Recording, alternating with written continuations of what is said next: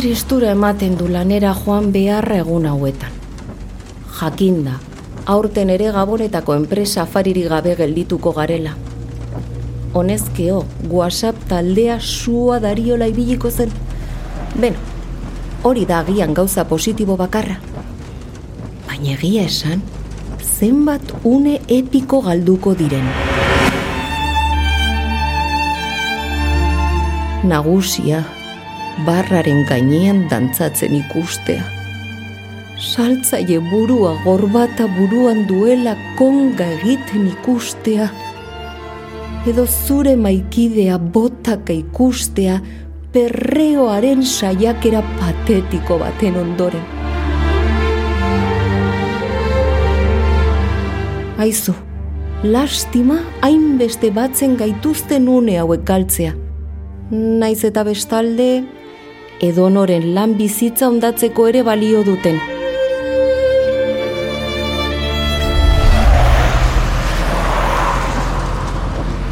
Begira, pandemiarekin bezala da. Neurrigabekerian pixkatxo bat erori ezkero, gauza eskuetatik joaten zaizu. Eta larrialdian murgiltzen zara. Honena da, pandemiarekin labia dugula. Filmaren superheroi edo superheroina salbatzailearen antzeko zerbait. Bila beteko bakearen ondoren, bataia bueltan da. Covidaren hordak munstro berri batekin datoz berriz. Omikron!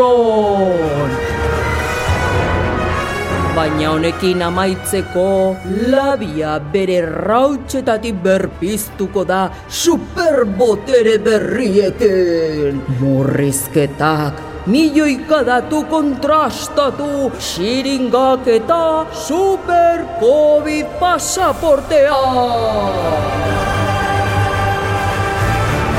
Laster pantaietan, zuen bizitzak haien bidez ikusten dituzuen horietan, Labi versus Omicron!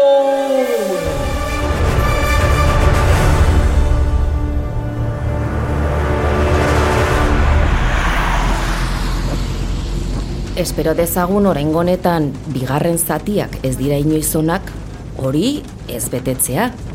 Baina komunikabideen datu tsunamiarekin, kontradatuekin, megadatu eta hiperultradatuekin ez dut argi ikusten.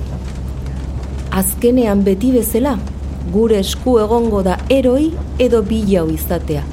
Sara Connor bihurtzea, ala ez? Ben hori ere ez daukat oso argi. Eroi izan eta bilau bilakatzearena hain azkar aldatzen da. Euria egin edo ez egin bezain azkar. Corre Sarah Connor, te persigue el timor. Corre Sarah Connor, te persigue Terminator 2.